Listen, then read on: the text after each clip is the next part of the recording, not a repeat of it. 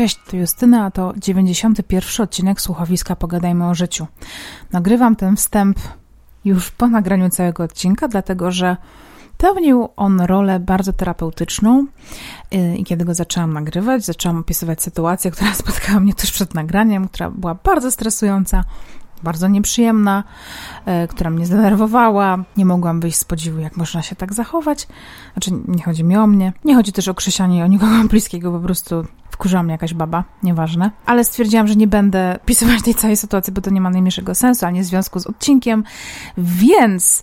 To jest taka dziwna sytuacja, w której zaczynam od końca, ale chcę tylko powiedzieć, że to, co za chwilę usłyszycie, czyli cała dalsza część odcinka, pełniła rolę bardzo terapeutyczną, oczyszczającą i to jest taka też rada, ewentualnie taki protip, że jeżeli macie bardzo zły dzień albo jesteście strasznie wkurzeni, to spróbujcie sobie przypomnieć coś zarąbiście przyjemnego, tak jak ja zrobiłam. I to mega podziałało, bo teraz jestem zrelaksowana, jestem naprawdę uśmiechnięta. Jak zaczęłam nagrywać, to jeszcze mi serce waliło ze złości, więc bardzo to polecam. Nie pamiętam od czego zaczynałam takiego zdania, więc nie wiem jak to się będzie montowało. W każdym razie teraz będzie jakiś odgłos albo muzyczka, albo jeszcze raz pianinko i właściwy odcinek. Zapraszam do słuchania. Na szczęście temat, który na dzisiaj przygotowałam, zanim y, ta sytuacja miała miejsce, jest dość przyjemny, bo obserwuję sobie takie dwie babki w internecie. Y, to są dwie dziewczyny, które nazywają się Pani to potrafi. I robią bardzo fajne aranżacje wnętrz, takie niskobudżetowe i zajmują się też stolarką, więc to też jest takie, mm, czy mam wrażenie, że się zajmują stolarką, ale jakoś tak wychwyciłam, że one generalnie wykonują takie prace, które są mm, uważane za typowo męskie zajęcia. Y, na przykład remonty i te kobiety mm, dzisiaj opublikowały, nie, nie, pamiętam jak one się nazywają, także bardzo przepraszam, ale są bardzo sympatyczne dziewczyny. Dzisiaj wrzuciły jakiś artykuł z Claudii, gdzie, z takiej gazety Klaudia, z takiego magazynu kolorowego, e, gdzie mm, tam jakiś cały, e, cały dział o wnętrzach, czy tam o aranżacji balkonu był właśnie z ich udziałem. I powiem Wam szczerze, że oglądałam zdjęcie zdjęcia, nie? A właściwie to zdjęcie zdjęć, które były zamieszczone w prasie. I od razu te zdjęcia, przez to, że były w prasie, wyda wydały mi się dużo bardziej atrakcyjne, dużo bardziej ciepłe. I przypomniało mi się y, coś, o czym zapomniałam na długie, długie lata. No bo zanim był internet, y, były takie czasy, moje drogie dzieci, to jednak większej rzeczy oglądaliśmy albo w telewizji, albo właśnie w prasie jako że mój tata uwielbiał czytać prasę, to u nas było bardzo, bardzo dużo gazet w domu. Zazwyczaj były to tygodniki typu Polityka, Wprost, jakiś Newsweek w pewnym momencie się pojawił, Przekrój, e, kiedyś był Ozon, który w ogóle uwielbiałam, to była świetna gazeta. Tak właśnie w czasach licealnych pamiętam, że bardzo lubiłam czytać Ozon. No jeszcze tam kupował jakieś magazyny swoje ulubione, jakieś wojskowe w ogóle, kupował, uwielbiał jakąś właśnie militaria. E, czasami kupował jakąś taką typową męską gazetę typu jakieś tam samochody i takie różne inne rzeczy a w sumie można było pomyśleć o czymś innym, ale też kupował e, taką prasę mm, lekką, czyli na przykład Vive, czy pamiętam, że pojawiał się u nas w domu raz w miesiącu Twój styl, czasami L. I ja te gazety, mm, te takie tygodniki czytałam, no w pewnym momencie zaczęłam czytać, bo tata się bardzo interesował polityką po prostu jakoś tak chciałam e, chyba móc z nim porozmawiać. Zresztą po prostu mnie to interesowało, bo mnie WOS interesował i, i jakoś zawsze się najwięcej dowiadywałam na temat życia na włosie, nie z podręczników, tylko właśnie z prasy. Ale pamiętam prasę kolorową, szczególnie w okresie świątecznym, znowu święta oczywiście, mm, kiedy mm, te wydania gazet świąteczne są zazwyczaj już wydaniem nawet nie grudniowym, tylko to jest wydanie już na styczeń. Czy wtedy, kiedy bierzemy najnowszą gazetę w święta Bożego Narodzenia, to ona już jest styczniowa. I wtedy jest dużo takich karnawałowych kreacji, jest bardzo dużo brokatu, złota, są pięknie opakowane jakieś tam prezenty, piękne stylizacje, takie sesje świąteczne. I chyba wtedy, mam takie wrażenie, że wtedy zakochałam się kompletnie w takiej fotografii prasowej. E, I nawet gdy teraz jest Instagram i mamy dostęp do miliarda zdjęć, które są pewnie dużo jakieś takie modniejsze niż te w prasie, y, to one na mnie w ogóle często nie robią żadnego wrażenia. a te prasowe robią. I doskonałym przykładem właśnie dzisiaj było, to zdjęcie od pani, pani to potrafi, gdzie pewnie gdyby wrzuciły te same zdjęcia na Instagram, y, czy tam na Facebook, to po prostu miała takie, aha, okej, okay, jakiś tam balkon, no jakieś coś tam. Ale zdjęcie wydrukowane na papierze jest dla mnie totalną magią. I pamiętam, jak sobie wyobrażałam, że mieszkam sobie gdzieś właśnie w jakimś ładnym domu, w którym się odbywają takie piękne, tradycyjne święta, e, we wspaniałym e, domu, ze wspaniałą zastawą, z wielką, prawdziwą choinką, gdzie wszyscy jesteśmy ubrani w jakieś tam aksamitne kubraczki, że jesteśmy ubrani tak właśnie w kolory biel, czerń, mm, takie bordo, ciemną zieleń, taką głęboką trochę granatów i tak dalej. E, oczywiście to wszystko wyglądało inaczej i dzisiaj też z rozrzewnieniem patrzę na te święta, które u nas spędzaliśmy siedząc wokół takiego mm, stołu, tak zwanej ławy, która stała przy kanapie i fotelach u mojej babci. Po prostu braliśmy pufy albo taborety i siadaliśmy dookoła rozłożonego stołu o bardzo niewiele centymetrów, bo te blaty były bardzo małe. Was bardzo proszę za dzisiejsze odgłosy w tle, ale, ale nie mam siły wstawać i tego zmieniać. Nie chcę zamykać okien, bo po prostu jest za ciepło w mieszkaniu. Tak, i to, i to właśnie zawsze miałam takie wyobrażenia, ale z drugiej strony pamiętam, że wszystkie letnie wydania, jak zaczęłam sobie na przykład sama kupować e, gazety, to kupowałam innymi Filipinkę. Brawo było u mnie w domu niemile widziane, ale w wakacje, kiedy jeździłam do babci, to miałam pełną swobodę, bo babcia nie kontrolowała prasy, którą kup kupowałam i wtedy kupowałam wszystkie y, takie czasopisma typu Bravo, Bravo Girl, Popcorn, Dziewczynę i tak dalej. Tam też było mnóstwo zdjęć. I pamiętam do dziś, jak na jednym zdjęciu z Bravo Girl, y, jakieś wydanie zimowe, czyli ferie, byłam u babci, była dziewczyna, a ja strasznie obgryzałam paznokcie, kiedy byłam nastolatką. I ta dziewczyna była snowboardzistką, zawsze chciałam jeździć na snowboardzie, nigdy nie jeździłam. Miała długie blond włosy, więc tak jakby no, od razu się utożsamiałam z dziewczyną. I ona pokazywała taki gest, no tak jakby Wiktorii, tych takich dwóch paluszków wskazujący i środkowy, do aparatu i przytrzymywała serdeczny i mały kciukiem. I miała tak piękną płytkę paznokciową, że wycięłam sobie ten fragment gazety, przykleiłam go gdzieś w zeszycie. Nie byłam wtedy jakimś super dzieckiem. Myślę, że miałam spokojnie z kilkanaście lat. I to był dla mnie wzór paznokcia. I bardzo często, jak wracam sobie z jakiegoś manikiru, który mi się mega podoba, a właśnie niedawno na takim byłam, to sobie właśnie składam te palce w takim geście i wyobrażam sobie, co by było, gdyby teraz ktoś mi zrobił zdjęcie i ja bym zrobiła taki gest i ktoś inny patrzyłby się tak na mój kciuk, którego bym nie zazdrościł. No, ale brawo, oprócz tego, że były tam e, tego typu zdjęcia, to przede wszystkim były tam fotostory które uwielbiałam. Były kiczowate, były czasami straszne, ale zazwyczaj, no jednak były interesujące, no. Nie wiem, ile one miały stron. Mam wrażenie, że to było, to było um, raz, dwa, trzy, cztery, pięć, sześć. Chyba sześć, na sześciu stronach mi się wydaje, że było fotostron. Na pewno na pewno nie na dwóch. Myślę, że myślę, że cztery to jest taki minimum, ale wydaje mi się mu wszystko, że one były na sześciu stronach, że się jednak trochę je czytało. Y, no i w pewnym momencie się zorientowałam, że Brawo to jest gazeta pochodząca z Niemiec, więc pewnie większość tych um, fotostory są robione y, w Niemczech. A ja do Niemiec miałam bardzo wielką słabość, kiedy byłam e, dzieckiem. Oczywiście teraz ci, którzy, na przykład Krzysiu, który y, śmieje się, że śląski to prawie jak niemiecki, że w ogóle jesteśmy ukrytą opcją niemiecką i tak dalej, i tak dalej. Tak nie jest oczywiście. Na temat y, Śląska i w ogóle koneksji z Niemcami też mogę w sumie kiedyś zrobić odcinek, chociaż nie wiem, czy kogokolwiek by interesował. Y, ale właśnie, no jednak sporo mojej rodziny do tych Niemiec kiedyś wyjechało. No, jak były ciężkie czasy, to po prostu postarali się o to, żeby z tych, żeby z Polski wyjechać. Więc miałam jakiś kontakt z Niemcami o tyle, o ile miałam tam rodzinę i ta rodzina czasami przyjeżdżała i przywoziła te wspaniałe produkty. Stąd moja miłość do niemieckich słodyczy i do niemieckich proszków i płynów. Ale też zdarzało się, że ja do tych Niemiec jechałam i tak się zdarzyło dwa razy w życiu. Bardzo mało, e, paradoksalnie, ale ta jedna wycieczka przypadła e, na rok 97 i pamiętam, że wtedy w Polsce była taka chyba największa powódź, jaka była ever, znaczy za mojego życia. Czyli ta, kiedy e, była piosenka Moja i Twoja Nadzieja nagrana przez polskie All Stars i wtedy zalało bardzo właśnie zachodnią Polskę. Wrocław, Opole, Mm, Zabrze też było totalnie zalane i myśmy właśnie wyjeżdżali w czasie, kiedy ta powódź tak dogorywała. Już na szczęście się kończyła i pojechałam do tych Niemiec z moją ciocią, siostrą mojej mamy, z jej mężem, e, z ich dzieckiem, czyli moim kuzynem Adamem, którego serdecznie pozdrawiam i ja też tam pojechałam i pojechaliśmy do takiej cioci przyszywanej. To była żona przyjaciela mojego wujka.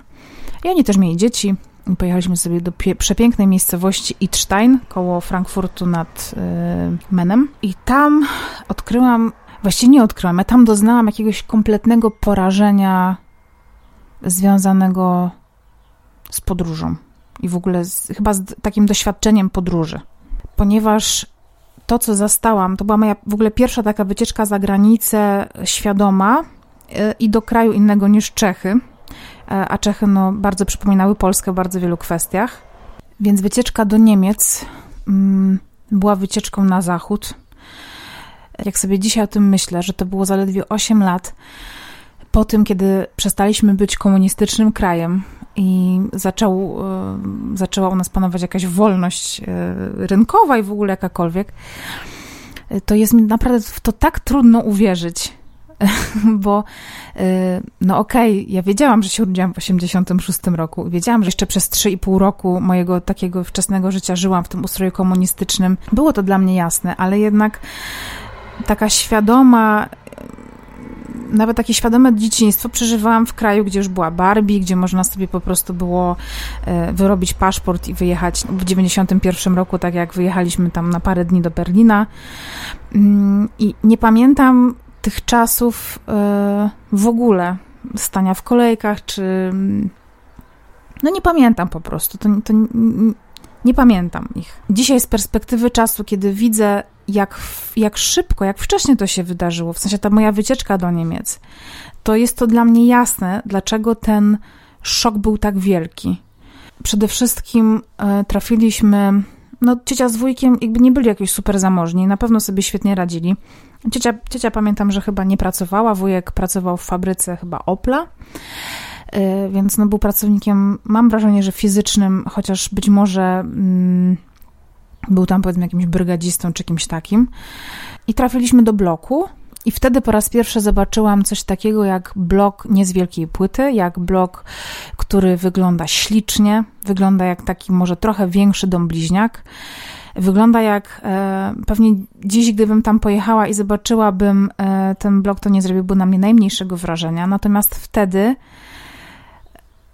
nie wiem, czy dziś cokolwiek byłoby w stanie na mnie zrobić tak olbrzymie wrażenie jak to mieszkanie jak zupełnie inne podłogi, zupełnie inne drzwi, zupełnie inne meble, e, balkony, widok osiedla, tak zwany szpilplac, czyli plac zabaw, który był olbrzymi. Była tam, nie wiem, czy, czy to jest kolejka tyrolska, że jest taka lina i takie siodełko, na którym się siada i się po prostu tak jedzie. I to tam normalnie było na tym placu zabaw i ta kolejka miała mm, pff, nie wiem ile metrów, dużo metrów, się strasznie długo jechało i to naprawdę była bycza zabawka. I wszystko w tych Niemczech było inne. Było gładkie, było ładne, wszystkiego było więcej. Pamiętam, że poszliśmy do takiego zwykłego sklepu. Podejrzewam, że to było coś w rodzaju Lidla. No może to był jakiś Aldi, Lidl. E, no taki sklep, do których dzisiaj chodzimy na co dzień po zakupy. E, I na przykład pamiętam, jak zobaczyłam nie wiem, czy wy kojarzycie takie butelki mm, plastikowe, zwrotne. One się odbijały od podłogi, jak były puste. Mm, Sprite był w takich butelkach, Fanta, nie wiem czy cola. W każdym razie w Niemczech wujek kupował te napoje gazowane w takich całych kratach no bo dzieciaki, po prostu jako dzieciaki tego piliśmy mnóstwo. Kiedyś przyniósł właśnie Fantę i ja nagle patrzę, ale to nie jest przecież Fanta. A wujek mówi, tak, to jest Fanta, tylko jest na przykład truskawkowa, jest czerwonej pomarańczy, jest mandarynkowa, jest jakaś jeszcze, jakaś jeszcze. I ja mówię, Jezu, jak może być Fanta w tylu smakach, nie? Tak po prostu pierdoła. Pamiętam, no już nie mówię w ogóle o tych mnogościach e, słodyczy, o tym, ile tam było produktów marki Kinder u nas wtedy, to, nie wiem, chyba była Kinder Niespodzianka i Kinder, e, te takie czekoladki, Kinderki. Nie wiem, czy było coś więcej. Nie, nie sądzę. Pamiętam, że w podstawówce czy zahaczyłam o coś takiego jak mleczna kanapka, którą potem chyba wycofali i dopiero się później znowu pojawiła. E, nawet szokobonsów nie było. Pamiętam, że jak weszły do Polski szokobonsy, to właśnie miałam takie, o Jezus, muszę to kupić, bo to jest w Niemczech, nie? I nawet reklamy tych słodyczy, które widywałam czasami oglądając Wiwę niemiecką, która tam się pojawiła u nas na kablówce w, w Polsce, w, na osiedlu, to też miałam taki, Jezus, ile tam jest rzeczy, jakie tam są produkty. To jest coś niesamowitego. E, no i już kompletnym w ogóle odjazdem było to, jak ciocia z wujkiem nas zabrali do takiego wielkiego, ale to wielkiego sklepu z zabawkami. Być może to nie był jakiś super wielki sklep. Wystarczy, że wyglądałby jak dzisiejsza hala, nie wiem, jakiegoś Tesco czy Auchan, że były jakieś duże regały. E, I pamiętam, że tam sobie kupiłam wtedy pierwszego Gameboya i kupiłam e, razem z kuzynem. Kuzyn kupił swojego, ja kupiłam swojego i w Polsce w, ja chodziłam do takiej szkoły, gdzie generalnie dzieciaki miały Gameboye, więc tu też nie jestem jakąś tam super chyba y, przeciętną uczennicą tamtych lat i w ogóle dziewczyną, raczej dziewczynki nie kupowały sobie gębojów, ale no u mnie w szkole dzieciaki miały gęboje. I wszyscy mieli szare. Ja pojechałam do tych Niemiec i tam nagle na tych półkach, w ogóle nie wiedziałam, że może gęboj mieć inny kolor. I mój kuzyn sobie kupił taki przezroczysty, żeby dać było te wszystkie tam kabelki i tak dalej. Ja sobie kupiłam czarny. E, jeszcze były czerwone, niebieskie, jakieś żółte, no cudowne wszystkie kolory po prostu Gameboyów. No i wieczory spędzaliśmy tak, że e, tam ta ciocia z wujkiem z Niemiec mieli dwójkę dzieci. Jedno było, no wtedy miało 5 lat, starsze, młodsze chyba ze dwa. Była dziewczynka i chłopczyk, Marko i Iwet, których też serdecznie pozdrawiam, chociaż nie sądzę, żeby tego słuchali. I oni grali w Nintendo 64 i to Nintendo 64, tam była jakaś gra, coś, coś z Mario, ale nie pamiętam jakie to było Mario. W każdym razie ten Mario dużo biegał, pływał i to była taka gra, z, mam wrażenie, że to było coś w stylu point of view, y, y, point of view tak się mówi? POV. Że to Mario nie był taki, to nie była platformówka, tylko tam się tym Mariem tak biegało i po prostu była perspektywa, ona się zmieniała. I myśmy, i, ten, i na, w tę grę się grało tylko i wyłącznie w kuchni, bo w kuchni był telewizor, co też w ogóle dla mnie było wow, I pamiętam, że codziennie rano szliśmy i graliśmy w tego Mario. To nie był Mario Kart, to było jeszcze coś innego. I yy, ja doznałam wtedy jakiegoś takiego porażenia, nie wiem czy kulturowego, ale jakiegoś takiego. Moje zmysły były porażone kompletnie. Jak wróciłam do Polski, nie miałam jakiegoś tam uczucia, zawsze lubiłam wracać do domu. Zresztą tęskniłam za rodzicami w ogóle. E, ja już tam miałam, no nie wiem, 11 lat, więc rodzice mnie wysyłali normalnie do sklepu. Ja poszłam do takiego osiedlowego Super Samu, sklep e, sieci Lux. Dzisiaj to chyba Lewiatan wykupił. Chociaż może nie, nie wiem. I to był taki sklep, że się wchodziło z koszykiem i się robiło zakupy. To był zawsze dla mnie duży sklep, w sensie wydawał mi się bardzo dużym sklepem i do tego sklepu weszłam. I miałam poczucie, y, autentycznie miałam takie uczucie, jak są takie słynne zdjęcia z PRL-u, że y, tam jest waga, ekspedientka i za nią są takie haki puste. Y, i tylko ocet jest na półkach. I ja miałam dokładnie takie wrażenie w tym sklepie, do którego weszłam bo te półki, które mi się wydawały zawsze mega zaopatrzone i w ogóle wysokie, to były półki e, bardzo niskie. Były bardzo szeroko rozstawione, więc tych półek tam nie wiem ile było. No generalnie po prostu bida z nędzą. I ja pamiętam, że wróciłam do domu i powiedziałam moim rodzicom, błagam was, mieszkajmy w Niemczech, ja chcę mieszkać w Niemczech. I mój tata wtedy mnie tak zmierzył wzrokiem i powiedział, że jest mu wstyd, że ja tak mówię. Przecież znam historię, przecież coś tam. A ja po prostu tak bardzo chciałam mieszkać w tym kolorowym, nasyconym świecie niemieckim. Tym bardziej, że mi się w ogóle niemiecki zawsze bardzo podobał. U mnie w szkole zawsze uczono niemieckiego i w ogóle. Już nie mówiąc o tym, ile tam jeździliśmy na baseny, na jakieś wycieczki do, do Fantazjaland pojechaliśmy. No po prostu mega świat. I wracając do tego punktu wyjścia, czyli dlaczego kochałam e, Brawo i fotostory w Brawo, bo jak je czytałam, już byłam trochę starsza, tam nie miałam 13-14 lat, to zawsze sobie myślałam o tym, że te dzieciaki mieszkają w tym świecie, w którym ja zawsze tak bardzo chciałam mieszkać. W tych Niemczech, w których spędziłam jedne z najlepszych wakacji życia. To są te same Niemcy, które mają 8 smaków fanty, y, milion smaków słodyczy. To są te Niemcy, które mają ładne bloki, wysprzątane chodniki, piękne place zabaw, na których chce się siedzieć. I chyba te doznania świąteczno niemieckie, powiedzmy sobie, e, sprawiły, że uwielbiam oglądać zdjęcia w prasie. Wszystko mi się tam wydaje bardziej atrakcyjne, bardziej smaczne i chyba bardziej prawdziwe. I teraz sobie tak obserwuję, że media społecznościowe, które są właściwie czymś trochę odwrotnym od prasy, bo w prasie, kiedy nie było internetu i mediów społecznościowych, no to raczej czytaliśmy o osobach znanych, które odniosły jakiś sukces, którym się powiodło, a media społecznościowe sprawiły, że osoby z bloku obok stały się gdzieś tam rozpoznawalne w pewnym momencie, albo po prostu możemy te osoby z bloku obok obserwować ich życie. I zauważyłam, że paradoksalnie zamiast to, co te osoby pokazują, które żyją obok mnie, że to powinno mi się wydawać z automatu bardziej prawdziwe niż to, co widzę w innych mediach. A właśnie wcale tak nie jest.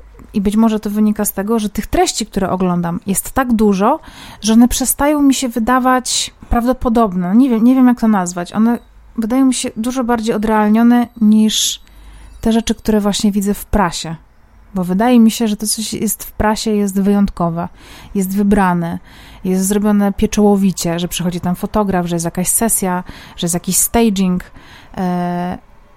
I nawet kosztem tej świadomości, że wiem, że to jest w jakiś sposób ustawione, że to jest wyreżyserowane, to sprawia to na mnie wrażenie bardziej prawdziwego.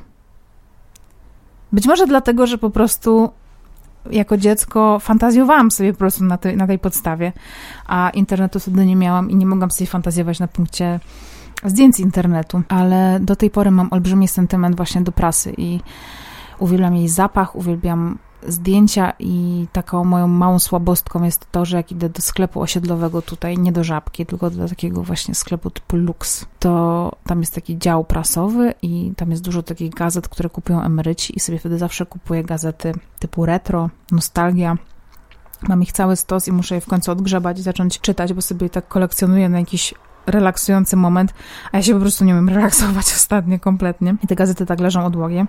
A moją miłość do y, właśnie kolorowej prasy możecie zobaczyć y, wchodząc na kanał na YouTubie, który mam już od jakiegoś czasu, znaczy no tam też są wszystkie słuchowiska i Piąte Nie Zabijaj, ale pierwszym filmem, który tam wrzuciłam, to był film właśnie um, zwiastujący taki cykl, którego nigdy nie pociągnęłam dalej, bo się bardzo wstydziłam i nazywa się Historie ludzi z tanich gazet. I możecie sobie tam wejść, jest w playliście osobnej i możecie sobie zobaczyć właśnie, jaki to jest efekt. Że jest taki trochę humorystyczny i komediowy, no nie ukrywam, nie ma poważnych tekstów, ale to jest właśnie coś, co uwielbiam. Taką kolorową, fajną prasę, która pachnie i z jednej strony kocham właśnie te wszystkie sesje takie jedzeniowe w, w okolicach świąt, w prasie takiej lepszej kobiecej, ale tak samo uwielbiam prasę za złotówkę, dwa złote. Taką, ty, takie tygodniki, typu chwila dla ciebie i tak dalej. To jest coś takiego. Ach. Po prostu uwielbiam. Jestem bardzo ciekawa, czy też tak macie z prasą. Czy prasa wam się wydaje przeżytkiem, czy jest takim teraz dobrym, luksusowym trochę? Czy luksusowym? Czemu mówię luksusowym? No bo jednak kupić coś na papierze, co możemy przeczytać sobie online za darmo, jest jakimś takim. Czy to jest luksusowe? Właśnie trzeba sobie zdefiniować, czym jest luksus, ale to nie na dzisiaj. W każdym razie, czy lubicie prasę, czy też macie takie właśnie wspomnienia i skojarzenia, czy też sobie tak fantazjujecie, jak ja, na podstawie e, zdjęć właśnie z prasy, czy dopisujecie sobie różne historie, czy też chcielibyście kiedyś być na takich zdjęciach. Jestem bardzo tego ciekawa. Dajcie znać albo w komentarzach na YouTubie, albo w grupie Pogadajmy o życiu. No i tyle. Dziękuję Wam dzisiaj za uwagę. Dziękuję oczywiście moim patronom bohaterkom, czyli Zuzie K. i Joannie Sydalnikow-Brzozowskiej, moim patronom domownikom, czyli Alicji Smolnik, Marcinowi Tarczyńskiemu, Kasi Czy, Joli Mazur, Jackowi Mataczowi, Darii Livzi, Łukaszowi Dłudkowi i Małgo Frey oraz wszystkim innym patronom. Jeżeli chcecie wesprzeć moją działalność, to zapraszam Was na patronite slash Justyna Mazur. E, tam możecie zostać moimi patronami. No i tyle. Bardzo się cieszę, że mogłam dzisiaj Wam to wszystko powiedzieć.